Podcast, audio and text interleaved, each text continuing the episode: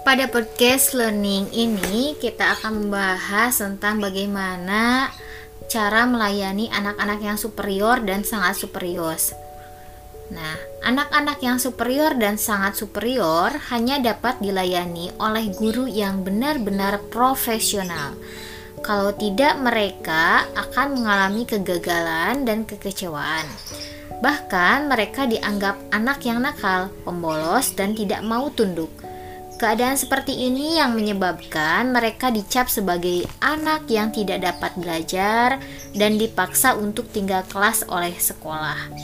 Patut dipahami oleh para pendidik bahwa anak-anak yang sangat superior lah yang dapat meloncat kelas, bukan sekedar anak-anak yang berkemampuan tinggi namun masih dalam taraf normal atau buka bahkan bukan pula anak superior.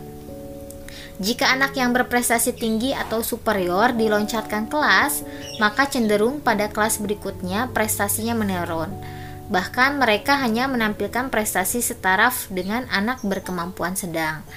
Hal ini dapat menyebabkan timbulnya dalam diri anak perasaan gagal, malu, dan menurunnya harga diri hubungan sosial sedikit banyak akan terganggu.